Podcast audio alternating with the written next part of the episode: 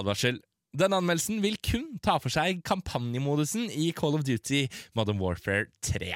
Multiplayer-modusen Warzone og nygjeninnførte zombies vil derfor ignoreres totalt, både i anmeldelsen, men også i scoren spillet får. Call of Duty-spillene har alltid hatt en helt spesiell plass i hjertet mitt, helt siden jeg for første gang ble introdusert for serien. En kompis hadde vært i Sverige og kom tilbake med Call of Duty Black Ops, et spill vi åpenbart var altfor unge for. Men hva kan jeg si? Fyren som jobba i spillsjappa på Nordby kjøpesenter, hadde tilsynelatende et heller liberalt forhold til aldersgrenser. Fra det øyeblikket CD-en gikk inn i Xbox 360 og fram til rulleteksten glei over skjermen, satt vi som klistra. Og akkurat den samme følelsen fikk jeg da jeg i 2019 spilte rebooten av Call of Duty Modern Warfare. Jeg ble rett og slett blåst helt av banen. Spillet serverte en adrenalinpumpende actionhistorie bestående av velregisserte baner jeg kjempet meg gjennom med hjertet i halsen, og en historie som skapte intense og brennende følelser i meg fra første øyeblikk. Det viste meg hva Call of Duty var på sitt aller beste.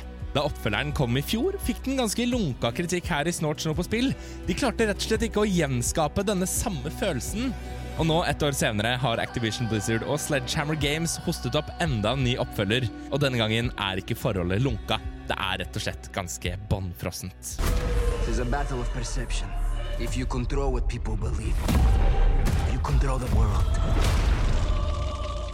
My comrades, we stand reunited! You a war? The time has come to show them the meaning of true power. Kampanjemodusen i Call of Duty Modern Warfare 3 fortsetter fortellingen om kampen mot terror med våre nå godt etablerte venner i Task Force 141 i hovedrollene. Men de er ikke de eneste kjenningene som returnerer. For forgjengeren røpte nemlig også at det var en gammel kjenning som også ville få en plass i rebooten. Who is he? Makarov.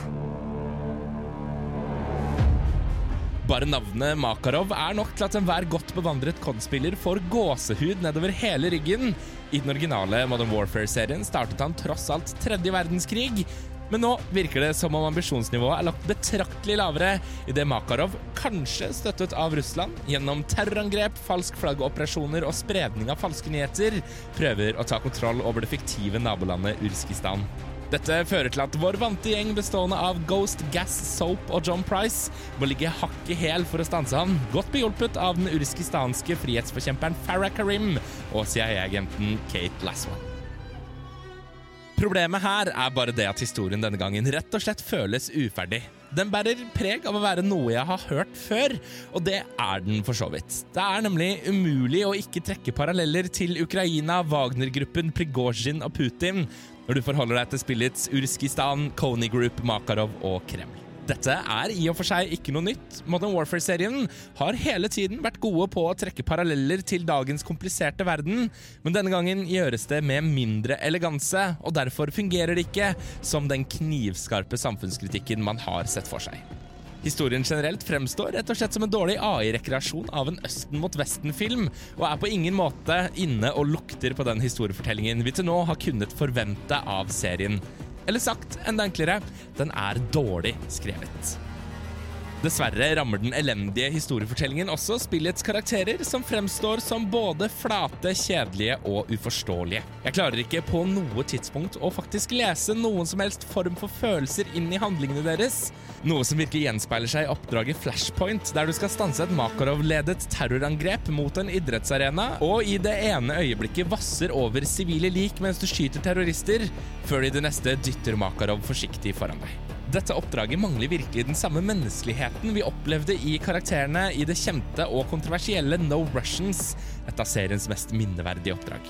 Problemet både i Flashpoint og i spillet generelt er at jeg rett og slett ikke klarer å forstå karakterene. Noe som igjen fører til at jeg ikke utvikler noen følelser for dem, som føles ekstremt provoserende, spesielt med tanke på at dette er karakterer jeg i utgangspunktet elsker. Spesielt stort er sviket mot Farah og Gass, som tidligere har vært noen av de mest mangefasetterte og genuint interessante karakterene i serien, men som denne gangen er like flate og kjedelige som de andre. Spillet prøver på et tidspunkt virkelig på det sterkeste å presse en tåre inn i øyet mitt, Men dette etterlater meg med mer irritasjon mot skaperne enn det det etterlater meg med faktiske sorgfølelser, på tross av at stemmeskuespillerne i spillet virkelig beviser seg som dyktige i sitt håndverk. De har bare ikke hatt det beste manuset å jobbe med. Makarov føles også mindre som den truende og genuint fryktinngytende skurken vi kjenner fra før av, og mer som en bruk og kast Marvel-skurk. Det hele er egentlig ganske underveldende. The West, they love their choices. They will have only one. To respond on our terms. Каждая секунда мужчин.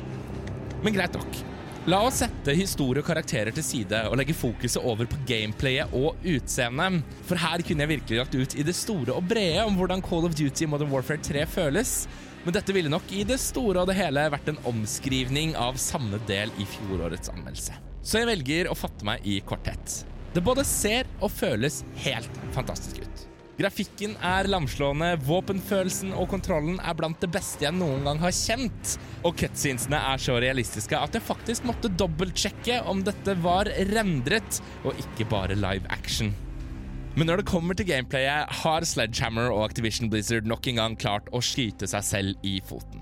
For å skape en følelse av frihet introduserer de nemlig Open Combat Missions som en del av kampanjemodusen. Enkelt forklart sandbox-baner der du slippes ut i et område og selv kan velge rekkefølgen du ønsker å fullføre oppgavene dine i.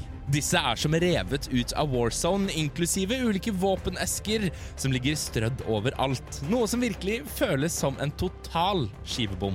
Call of Duty har de siste årene blitt kjent for godt oppbygde og velregisserte oppdrag, men Open Combat Missionsene føles rett og slett ut som om de ikke hører hjemme i spillet. Du får følelsen når du dropper inn om at du selv kan velge hvilken strategi du ønsker å benytte deg av, men her er det nok mer snakk om en falsk følelse av frihet enn det det faktisk er snakk om frihet. Alle fiendene befinner seg strategisk plassert rundt målene du må nå, og takket være et bedritent detection-system ender du alltid opp med å gå loud, uansett hvor hardt du prøver. Disse forsøkte Warzone-lignende banene står ut som et skår i gleden, for hadde jeg villet spille Warzone, ja, da hadde jeg spilt Warzone. Det er ikke verre enn det. Heldigvis klarer Modern Warfare 3 å diske opp med klassiske missions, som i en viss grad er av den velregisserte formen vi nå forventer av spillene, selv om jeg helt ærlig skal innrømme at ingen av dem føles spesielt minneverdige. Det er riktignok enkelte øyeblikk som står ut, og som føles ut som ren og skjær spillmagi. Et eksempel er et mission der du kun ved hjelp av et våpen utstyrt med varmesøkende sikte skal ta ut fiender i en frossen tundra med elendig sikt. Eller en sekvens der du skal bevege deg oppover i en boligblokk etasje for etasje. En sekvens som i hvert fall delvis er et open combat mission, noe som viser at denne spillformen kanskje også har en plass i kampanjemodusen, selv om den må raffineres mye før den er klar. Men dette er dessverre ikke nok til å redde Call of Duty Modern Warfare 3. Rett og slett fordi alt dette skjer i et bakteppe som virkelig føles ut som en solid mengde venstrehåndsarbeid. Det er mer enn noe annet trist å se en serie som på et tidspunkt var så til de grader inne på noe, snuble før startstreken og ikke klare å hente seg inn igjen. Ikke bare er karakterene paddeflate, men historien er også kjedelig og upersonlig. Og da spillets rulletekst rullet over skjermen, kjente jeg på både raseri og kvalme. Kvalme fordi parallellene denne gangen føltes ut som en massiv skivebom, og sinne fordi jeg kjente meg sveket av en serie jeg trodde jeg faktisk kunne stole på. Sledgehammer og Activision Blizzard har tilsynelatende valgt å sette til side det som gjør Call of Duty til fantastiske spill, til fordel for en grov cash grab. Og selv om det smerter, kan jeg ikke gjøre annet enn å gi Call of Duty Modern Warfare 3 noe mer enn 40 av 100 troikabarer. For dette er ikke Call of Duty på sitt beste. Det er så vidt koldt.